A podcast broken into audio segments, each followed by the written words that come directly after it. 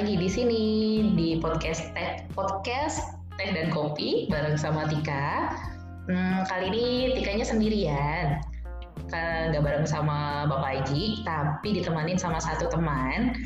Yang mana ini teman lama, cuman kali ini bakal sharing, sharing sedikit tentang terkait dengan profesinya beliau. Yang semoga nanti bermanfaat buat teman-teman semua langsung saja uh, kita sapa ya. Halo, ada Dokter Martin. Halo, saya Dokter Martin. Iya, apa kabar uh, Martin? Sehat sampai sejauh ini, syukurnya sehat. Syukurnya sehat, aman uh, ya dari COVID. Uh, sejauh ini aman, sejauh ini aman. Sejauh ini aman. Oke. Okay. Uh, Ma uh -hmm. Jadi Martin ini sekarang lagi kerja masih di Bali ya Tin ya? Ah, ah, sekarang sih saya kesibukannya kan di Bali sebagai dokter umum ya. Hmm. Di beberapa klinik sih sebenarnya di Bali. Hmm. Kemudian hmm. ada juga di laboratorium yang oh. lumayan sih. Maksudnya seluruh Indonesia ada sih namanya. Cuman saya yang di Bali aja, yang di Denpasar. Oke, okay. oh ada di lab juga ya Tinia selain di klinik. Uh, Sibuk banget ya Tinia sekarang. Uh, uh, uh, tergantung sih kitanya gimana mau anggap banyak sibuk banget apa enggak tergantung. Oke. Okay. Ya, sibuk itu relatif ya, tergantung relatif. bagaimana manajemen waktunya. benar, uh, benar, benar. Nah kalau di kalau di klinik kamu sendiri sekarang apa namanya kunjungan pasien itu menurun menurun nggak? Sebelumnya lebih ramai sekarang uh, jadi lebih sepi itu terjadi juga nggak di sana? Uh, ini ya, jadi sebenarnya memang berpengaruh banget sih sejak ada COVID ya. Awal-awal COVID ada, awal-awal ya. Jadi mm -hmm. itu kisaran bulan Februari, Maret ya, Maret yeah. pertengahan lah. Mm -hmm. Itu justru meledak gitu, meledak jumlah kunjungan pasien karena worry ya, worry banget. Oh, Oke. Okay. Uh, uh, ketika yang dia cuman demam sehari atau cuma sakit kepala dia udah takut aja pasien-pasiennya parno gitu yang disebut dengan psikomatis ini ya Iya, jadi rata-rata semua orang pada panik. Mm -mm. Uh, artinya apa-apa pemikirannya tuh COVID, COVID, COVID gitu ya. Mm -hmm. Oh, Oke. Okay. Uh, kemudian dari Setelah kita itu, sendiri, dari ikatan, mm -mm, dari ikatan dokter juga, kemudian dari nakes-nakes yang lain kan memberikan edukasi ya ke masyarakat. Jadi sebisa mungkin kalau memang tidak ada yang emergensi atau kegawat daruratan ya atau tidak ada hal yang memang istilahnya ini barulah penyakitnya gitu. Ya. Jadi kita sarankan sih dia pengobatan dulu di rumah gitu. Iya. Jadi kita edukasi seperti apa sih sebenarnya yang harus mesti ke paskes ya. kesehatan. Biar uh, uh, kondisi seperti apa yang memerlukan segera ke paskes gitu kan? Uh, uh, kondisi seperti apa yang harus dia memang harus ketemu dokter ketemu ketemu perawat kayak gitu. Hmm. yeah, iya, bahkan yeah, kita juga meluncurkan itu meluncurkan uh, sistem konsultasi online juga. Oh iya benar. Uh, banyak tuh. Jadi Mm-mm, konsultasi online soalnya kan gimana gimana caranya supaya masyarakat tetap dapat pelayanan tapi nggak harus dia kontak dengan uh, berbagai macam iya. orang gitu. Iya betul meminimalkan hmm. kontak dengan orang lain dengan tidak datang ke paskes gitu. karena kita uh, uh, karena jelas ya orang ke pelayanan kesehatan pasti rata-rata udah sakit ya dengan penyakitnya masing-masing gitu loh. Hmm, iya, ngapain orang ke paskes uh, lah ya kalau nggak sakit gitu uh, kan Uh, sedangkan penyakit ini kan baru kita masih kayak masih mencari-cari ya gejala utamanya apa sih sebenarnya gitu loh. Iya, masih meraba-raba juga. Masih meraba-raba. Jadi betul. yang paling yang paling logis ya itu sih menurut saya kurangin kontak dengan orang lain, kontak dengan dunia kemudian, luar. Uh, uh, dengan dunia luar dan kalau misalnya uh, masih ada fasilitas uh, konsultasi online itu bisa digunakan dimanfaatkan juga. betul dimanfaatkan hmm. itu sih Nah kalau dibilangnya tadi kondisi kegawat daruratan itu, mm -hmm. kalau kita harus kan berarti kita harus take care dulu di rumah kan. Nah, mm -hmm. itu apa aja sih yang harus disiapin dulu di rumah untuk menangani kegawat daruratan? Okay. Apa yang harus disiapkan? Itu sih sebenarnya kalau dari gawat darurat ini ya. Mm -hmm. Jadi yang paling pertama memang kita mm. yang paling penting disiapkan itu pertama mental dan inform uh, pengetahuan ya tentang pengetahuan. apa itu kegawat daruratan. Apa pun mm, apa pun basicnya itu pengetahuan yang yang benar ya, bukan pengetahuan mm -hmm. yang salah. Jadi basicnya itu itu. Dan menurut saya sih untuk sekarang kita nyari informasi yang basicnya benar dan informasinya kredibel itu udah banyak ya udah banyak banget. Betul betul. Uh, tinggal kita mau atau enggak aja sih. Ya tinggal mau atau enggak kemudian kita uh, nanya sama orang yang benar apa enggak gitu aja sih sebenarnya gitu iya iya iya iya ya. oke terus ada lagi nggak kira-kira yang harus disiapin selain itu dulu dan kita lanjut kalau disiapin hmm? itu mm -mm. itu kan kalau misalnya kita kondisi memilah pasien ya memilah kita itu ke mana ya. Uh, sekarang kita kalau misalnya dalam kondisi pandemik begini kan kita pergerakannya terbatas ya iya yeah, betul rumah sakit terbatas ke mana-mana terbatas hmm. nah, jadi yang perlu adalah gini kita di rumah itu ya di rumah hmm jadi yang paling paling paling sederhana sebenarnya untuk membedakan kegawat daruratan itu secara visual ya, secara penglihatan mm-hmm. tanpa kita apa-apain nih orang gitu. Mm-hmm. Adalah kesadarannya. Oke, okay, kesadarannya. Kesadarannya. Kesadarannya. Jadi sebenarnya kategori kesadaran itu pun dalam dunia medis itu ada poinnya, kesadarannya tingkatnya seperti apa. Tapi kalau misalnya untuk awam, awam. Uh, cukup dilihat aja dilihatnya pertama ya hmm. kalau orang sadar kan kita aja komunikasi pasti responnya ada ya hmm. oke okay. hmm. kemudian yeah. nyambung nyambung, ya, nyambung. ya ditanya nah, jadi pertanyaannya sesuai dengan jawaban gitu nah kalau di antara ini ada gangguan hmm. anggap aja ini kita garikan sebagai gawat darurat nggak masalah oke okay.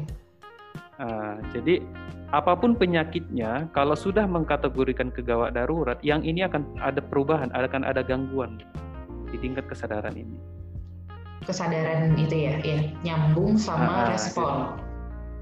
Respon. Jadi mulai dari respon visual kita tanya dia akan melihatkah atau dia tutup matakah, ya kan? Kedua pertanyaan kita nyambung nggak dia jawab? mulai okay. dari yang sederhana aja namanya siapa dia di mana sekarang yang sederhana aja ditanya gitu yeah, gitu ya yeah, yeah, bahkan yeah. kalau lebih lebih lebih ini lagi keluhannya dia apa sekarang yang dirasakan oke okay. Yeah, yeah, yeah, kalau yeah. orang dengan kegawat daruratan pada umumnya yang yang yang dua ini udah terganggu juga gitu. salah satu terganggu nah. sudah bisa dikategorikan nah.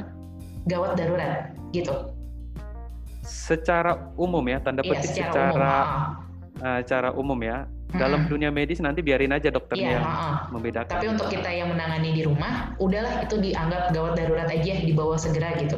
Iya, dianggap okay. darurat ya. Iya, uh, iya, iya. Jadi biar lebih sederhana, saya kasih aja contoh-contoh apa sih di rumah paling sering gitu ya di rumah tangga itu paling sering dianggap gawat darurat gitu ya.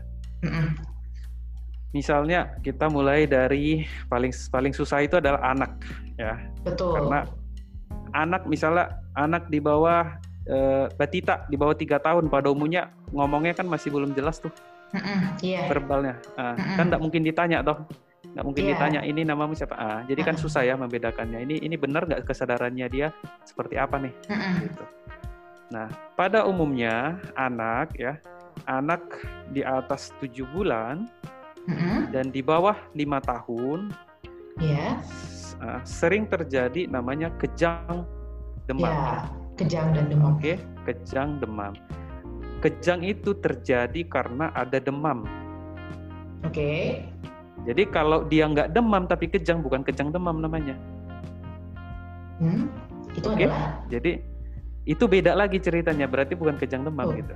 Oke. Okay. Nah, uh-huh. Tapi yang uh, yang paling umum adalah terjadi pada anak-anak kejang demam. Hmm. Nah, jadi sepaket apa sih yang ya, nyebabin ya, kejang demam itu? Nah, itu harus sepaket. diawali demam dengan demam, Demam. dulu kemudian kejang. Kejang. Baru namanya kejang demam, kejang Oke. demam ya. Mm-mm. Jadi kita lihat dulu ini eh, kejang demamnya kenapa sih bisa terjadi pada anak-anak kejang demam kan gitu ya? Eh, eh, balita lah ya, bayi di bawah lima tahun ya. Nah itu biasanya karena panasnya yang terlalu tinggi. Ya, Oke. jadi eh, panasnya terlalu tinggi sehingga si anak ini tidak bisa mentoleransi panas itu. Hmm, iya. Jadi eh, ada ada reaksi di otak ya yang menyebabkan dia kejang. Sebenarnya fungsi kejang itu pun ada sih buat anak ini, tapi itu itu juga memberikan dampak negatif juga buat si anak. Gitu. Mm-mm. Iya, iya, Nah, iya. ah, jadi pertama supaya orang tidak jatuh, supaya anak tidak jatuh pada proses kejang demam, Mm-mm. yang kita lakukan adalah jangan buat dia demam, gitu. Oh iya. Seseder, ah, sesederhana itu sebenarnya. Iya, Ah, ah. benar-benar. Jangan- jangan sampai dia demam. ya. Iya, ngilangkan pencetusnya. Jangan mikirin gimana nanganin kejang demamnya dulu. Gimana caranya nih anak supaya nggak kejang gitu Nggak, aja dem- dulu. nggak, mm, iya, iya, iya. Nah, dimulai dengan supaya nggak demam gitu Nggak ya. demam benar. Ah, ah. jadi caranya untuk sekarang itu ada dua cara paling sederhana di rumah. Mm-mm. Oke. Pertama, paling sederhana adalah dengan mengkompres Ya, ya. kompres. Mengkompres Kompresnya pakai air, dengan- air hangat atau dingin sih sebenarnya? Soalnya dia bilang baiknya dingin, Yang- baiknya hangat. Oh, untuk sekarang sih yang paling benar ya Mm-mm. menggunakan air hangat. Oke, air hangat. Mm-mm. Ada ada itu penjelasannya secara rinci, Mm-mm. tapi nanti akan lebih luas gitu loh kalau saya jelaskan. Oke. Jadi jadi kita memberikan rasa hangat nih untuk bayi dengan mengkompresnya ya. Paling paling gampang itu ya penggunakan ini, menggunakan uh, air hangat Mm-mm. ya. Iya, Udah iya, iya. gratis, gampang lagi Iya gitu benar, kan. benar, benar. Daripada beli yang ditempel-tempel tuh loh kan. gitu. Beli Pertama mahal itu nggak efektif. Uh, Iya. itu nggak efektif karena itu dingin. Benar. Kedua Itu kedua dingin. itu uh, bayar gitu ngapain gitu kan Iya benar-benar. Nah, jadi Oke. paling gampang itu adalah di Kompres. kompres Air hangat. air hangat ya air hangat jadi hangat itu adalah ketika kamu pegang dengan tanganmu atau kamu Mhm. taruh ke badanmu tidak memba- tidak rasa terbakar gitu loh ya udah sesederhana itu jadi nggak nggak yang panas sekali Air hangat mandi ya. ya tapi nggak boleh di, ag- ini nggak boleh juga udah mulai dingin Iya, itu nggak iya, efektif iya. nanti Oh, oke oke. jadi harus Iya. masih agak hangat gitu ya Mm-mm. Nah, cara mengkompres pun ada tekniknya juga yang paling sederhana. Pertama, kalau anak ini biasanya kalau udah umur sekitar lima tahun atau empat tahun itu lebih mudah ya karena kita tempel aja dia sudah mau gitu. Kita ko- kooperatif lah. Iya, Jadi betul kita. betul. ah. Tapi kalau anak-anak kurang dari tiga tahun, biasanya tiga tahun atau umur Dia berontak ya biasanya. gitu, dia akan eh, buang tuh Iya kompresannya. benar. Dia bakal berontak. Nah, caranya gampang. Eh, tinggal kamu buka semua bajunya, buka semua pakaiannya, Iya. ya. Mm-mm. Kamu ibaratkan lagi mandiin anak ini, tapi pakai ini waslap. Hmm. Oh, Jadi badannya lap aja, di lehernya, Oke. oke, lehernya lap ke Hmm, iya, badannya, iya, Nah, lipatan-lipatan terutama ya. Iya iya iya iya. Jadi Di mulai dari ketiak, kepalanya nggak gitu usah. ya. Oh, kepalanya nah, kepala nggak usah. Itu itu itu menurunkan panasnya nggak terlalu efektif kalau kepala ya. Oh, jadi di kompresnya itu di mana? kompres itu konteksnya itu bukan berarti harus ditempel gini, Ah, tempel aja di, di kepala. Jadi kita lap aja. Kita kan prinsipnya kan kita memberikan rasa hangat kan ya buat anak. ya. hmm, hmm, hmm, hmm. Artinya nggak harus ditempel aja toh. Oke, iya iya iya. Jadi iya. kita, nah kita kita uh, lap aja, kita seka gitu loh ya. Hmm, hmm. Di di di apa? Di Di lipatan di leher, di ketiak, ya. ah. kemudian di uh, di selangkangan, lipatan paha, Ah, gitu ya. Kemudian uh, kemudian di perut, kemudian di punggung. Hmm, iya iya iya iya. Cu- Begitu hmm, sudah dilap, dikeringkan lagi, lap Lap lagi, keringkan lagi. lagi, lap Oh, lagi, keringkan berulang lagi. ya. Di, dimandiin air hangat, berulang, Berulang. pakai waslap. Iya. Oh. Atau ada juga gini caranya. Kita masukin aja dia dalam konteks kita mandiin anak ini tapi nggak pakai seka itu, nggak pakai lap. Jadi kayak mandiin aja. Tapi airnya pakai air hangat gitu. Hangat. Oh, ah. Berapa lama mandinya? Nah, masalahnya kalau kita konteks pakai mandi ini itu dia kita nggak bisa lama-lama. Hmm, iya, iya, iya. Karena iya. apa? Airnya udah dingin kan ya. Oh iya. Ah, airnya kan udah dingin. Kalau pakai shower ya paling ya. Ah, kalau pakai shower mungkin. Ah, ah, ya. Tapi kalau misalnya kita pakai uh, pakai ini, pakai lap basah itu kan lebih gampang ya kita untuk ganti airnya, Iya, ganti airnya, ganti ganti airnya. airnya. Jadi suhu air itu stabil terus dia. Gitu. Oh, Oke. Oh malah sebenarnya nanti dimandiin itu nggak apa-apa ya anak-anak yang demam. Soalnya kan kalau orang tua zaman dulu anak sakit udah lah nggak usah mandi dulu gitu. kalau dimandiin pakai air dingin salah. Iya dimandiin pakai air hangat. Di anak kecil kan biasanya Iya. mandinya masih pakai air hangat toh. Ah, ah, justru harus dimandiin dong biar bersih, biar iya nggak ada biar bersih infeksi. kan. Oh, Ah, betul. ah, jadi harus tetap Oke, mandi ya. Tetap mandi. Jadi nggak ada pantangannya untuk itu tuh nggak ada asalkan Ya. pakai air hangat gitu aja. Oke, Oke oke oke. Iya, iya, itu. iya. Nah itu. Terus yang Ah, kedua oh, tekniknya mm. adalah ah, ah, dengan menurunkan apa dengan eh, menurunkan panas dengan pemberian obat. Oke. Mm-mm. Nah, yang paling umum digunakan adalah paracetamol ya, paling umum sekali digunakan Iya, paracetamol. Nah, paracetamol. sekarang ini nih masalahnya adalah penggunaan paracetamol ini si si orang tua tuh harus tahu dosis Nah itu dia tuh ah, dosisnya. dosisnya dosisnya karena obat itu itu tadi kalau benar jadi obat kalau salah bisa Kalau jadi racun. racun. Mm-mm. Ah, ah. tapi kita harus tapi sebenarnya sederhana sekali sederhana sekali untuk mempelajarin berapa sih dosis yang ideal untuk anak. Gimana tuh? Nah, caranya gini, pada anak-anak umur kurang dari tiga tahun biasanya kita pakai yang tetes drop ya, Ya yang drop. Ya, yang drop Mm. ya. Ada ada pipetnya kan itu Ada ya. pipetnya. Tinggal kita tahu si anak ini berat badannya berapa. Berat badannya berapa? Hmm, anggaplah ya berat badan anaknya 10 eh, 8 kilo gitu. Mm. Oke. Pada umumnya sediaan di obat tetes ya, Mm. dia pakai dari tetesan tuh 0,1, 0,2 sampai, Sampai 1,0 itu. Ya. 1,0 ya. Mm-mm. Jadi nanti sesuaikan. Kalau berat badan anak 6 kilo, 0,6. Oh gitu. Gitu. iya. Kalau berat badan anak 10 apa 9 0,9 Sembilan. gitu. Ini Oh, sederhana iya, sekali. iya. Nah, Oh, iya, kalau iya, misalnya simpel berat ya. anaknya udah 10 uh, Ya uh, udah berat satu, badannya gitu. 10 ya 1,0. Nah, ah, ah, ah. Berat badannya 12 ya 1,2. Sama dua. Oh. Berarti dua iya. kali pemberian, 1,0 diberikan lagi satu kali 0,2 Sama udah. dua. Oh ya simpel banget ya Ah. ternyata. Simple, simple banget. Oh iya. Jadi iya, itu iya. sengaja memang diciptakan disesederhana itu untuk Iya, pemberian iya, obat supaya benar, orang paham. orang paham. Dan itu memang yang di Gitu pasaran ya. memang rata-rata sedianya segitu ya Tin ya. Ya, pada umumnya ya, pada umumnya itu sediaannya segitu. Jadi Hmm. eh, di masyarakat itu yang obat-obat untuk drop itu atau obat tetes itu Hmm. pada umumnya yang sediaannya seperti itu. Oke. Nah, Iya, tapi iya, nanti iya. kalau misalnya obat-obat yang lain ada lagi penurun panas yang dari anus ya. Oh ya. Jadi penurun panas melalui anus. Kemudian ada lagi penurun panas melalui sirup yang dia pakai sendok ya. Itu udah Iya. bisa bisa dikonsultasiin sama dokter, bisa ya nanti dihitung dosisnya nanti.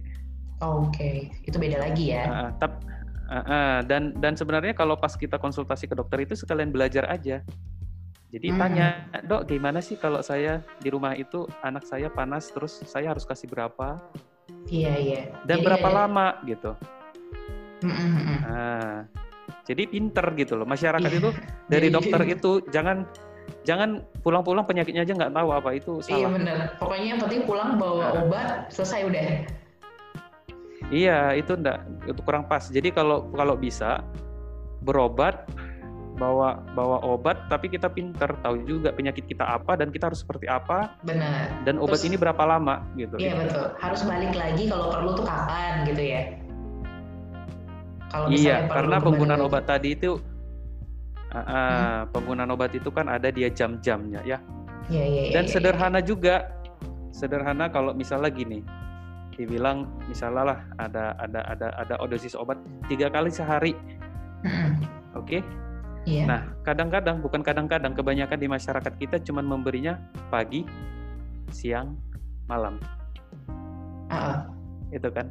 Jadi Ah. udah terpatri di kepala kita selalu gitu pagi siang malam masalahnya siang itu jam berapa sih jam jam siang sebenarnya gitu oh jam kan 12 ada jam orang 12 bilang siang, siang. Ah, jam 2 juga jam siang 2 juga ah, siang gitu ya. Jam satu juga siang. Jadi jam Iya. berapa sih yang benar?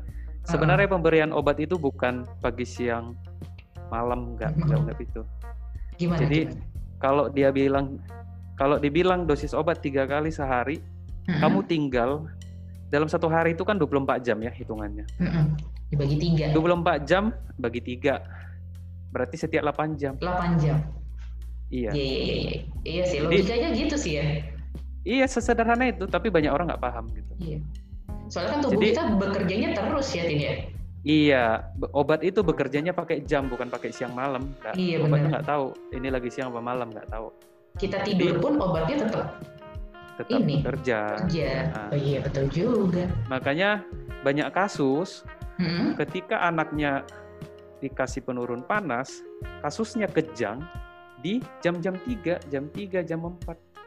Oke Kasusnya akan meningkat di sana, datang ke UGD. Why gitu. Kenapa sih bisa terjadi gitu pada anak-anak ya? Karena masalah pemberian obat tadi. Hmm, Jadi iya, kalau iya. kamu ibaratkan memberikan obat di jam 7, ya udah hilang efeknya ah kasih jam 7 s- eh, malam ya. malam Nah, orang tua kan berpikir ngasih lagi besok jam 7 pagi. Itu udah Pagi. 12 jam. iya iya benar-benar udah Efek terlalu obat udah panjang hilang. efek obat udah terlalu panjang. Jadi kasusnya akan meningkat di sana. Jadi kita pada umumnya kita tahu kok di kasus peningkat apa kasus kejang itu akan di mana meningkatnya. Hmm, Jadi oke, jam itu oke. menentukan ya. Karena apa? Itu bisa kita tahu karena itu pemberian obat yang tidak pas. Oke. Wah, menarik banget infonya. Aku baru tahu loh itu. Soalnya Iya, logika itu juga banyak- mikir, banyak. Uh, uh? Jadi kalau saya sih uh-huh. selalu ya, "Hmm, kalau saya selalu uh, kalau uh, apa uh, pasien konsultasi ke saya itu selalu yang utama itu pasiennya harus paham deh, harus ngerti dulu, hmm, harus benar dulu, dia harus pinter dulu, baru boleh pulang. Oh, Baru boleh. belajar Jadi dulu." percuma kalau saya Iya, iya. sudah ngasih obat yang benar, saya udah kasih dosis yang benar, cara ngasihnya salah, nggak akan sembuh, percuma. Iya, Kita kan iya. kerjanya tim nih ya, tim ya, Iya, saya iya, dan iya. orang tua dan Tua. dan pasien itu sendiri. Jadi harus benar, kita bertiga itu harus benar dulu nih, baru Mm-mm. benar nanti hasilnya. Betul, Gitu. betul. Kalau salah satu nggak ada yang kooperatif, ya orang tuanya salah atau anaknya sendiri nggak kooperatif minum obat, pasti kondisinya efektif ya. nggak efektif gitu. Pengobatannya benar-benar. Dan yang Nah, tahu itu kondisi anak di rumah itu kan orang tua. Iya, Recordnya seperti Dokter apa itu benar-benar orang tua harus tahu ya Tin ya. Iya, jadi sebenarnya paling utama adalah orang tua itu yang harus lebih paham, jauh lebih paham dibanding dokternya itu Dokter. sendiri Kon- tentang kondisi anak ya, bukan kondisi penyakitnya, kondisi anak. Iya, iya. Karena Demamnya kita mulai nanti jam harus berapa kerja gitu kan? Hmm? Ah, ah, demamnya jam berapa? Nah, balik lagi ya ke kasus kita tadi kejang demam. Jadi ternyata kalau misalnya sudah dilakukan atau belum dilakukan untuk tindakan penurunan demam, ternyata Mm-mm. anak sudah keburu kejang. Iya. Nah, hal yang bisa dilakukan orang tua pertama pertama sekali jangan panik, Oke. oke? Nah, kedua, anak ini pada umumnya apa sih tanda-tanda anak kejang, demam, ya kan? Kejang demam. Pertama dia, dia dengan diawali dengan panas dulu. Mm-mm. Kalau duluan kejangnya baru panas itu beda lagi penyakitnya nanti. Oke. Jadi harus Mhm. diawali dengan panas dulu. Panas dulu. panas dulu, panas yang tinggi, kemudian dia dengan kejang. Oke, kejang itu pada umumnya paling gampang itu ngelihat pertama tadi yang saya bilang kesadarannya, kesadaran anak. Oke. Kesadaran anak itu bisa kita dengan memberikan memberikan trigger lah, misalnya dengan memanggil, dengan me- me- melihat matanya, dia respon nggak Ditepuk-tepuk kalau kayak gitu ya. ditepuk-tepuk. Ah, karena biasanya kalau anak pun kalau dia responnya bagus, kamu lihatin dia, dia akan ngelihat respon balik, lihat kita. Iya, iya, iya, iya, betul betul. Tapi kalau anak dengan anak dengan kejang, pada umumnya dia nggak akan merespon. Hmm, karena dia tidak Dia sadar akan- ya. Ya, karena kondisi kejang itu kondisi orang tidak sadar. Tidak sadar. Jadi dia akan mendelik ke satu arah aja. Oh, Oke. Okay. Mau ke Aku kiri ke belum kanan ke atas sih.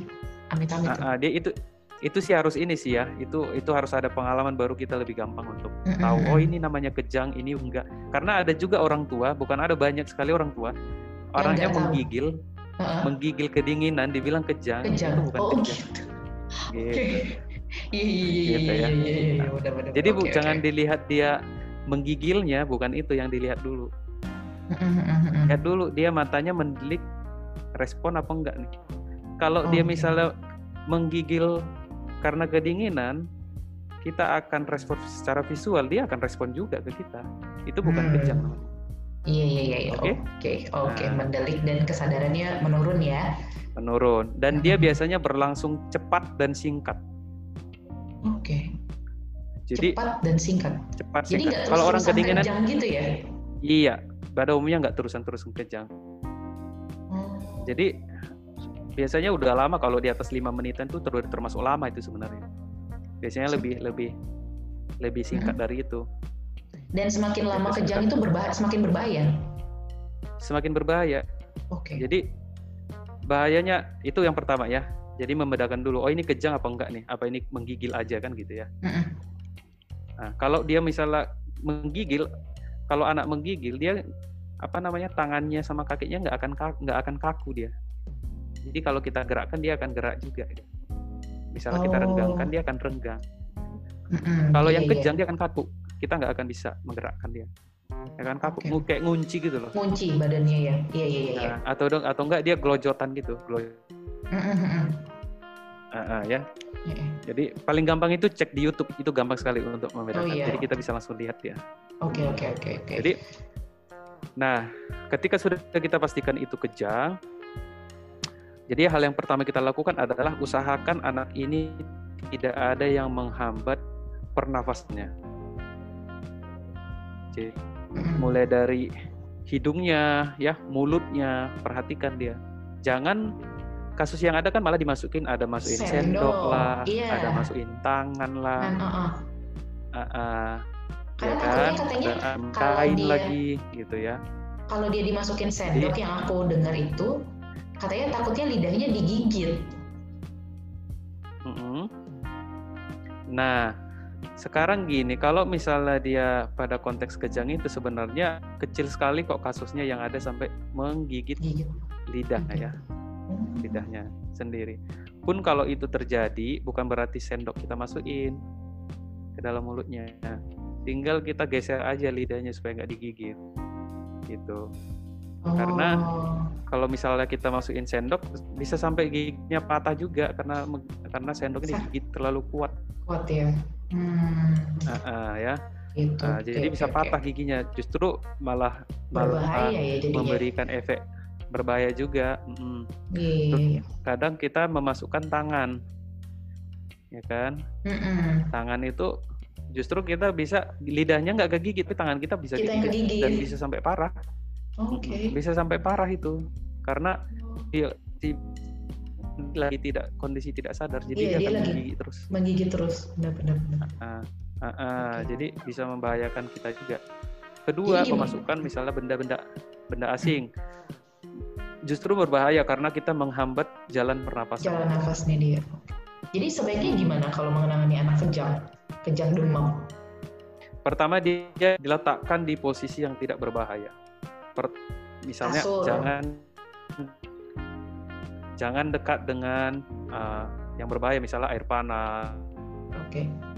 Kasur lah ya, clear Oke, kan berdua. kalau kasur.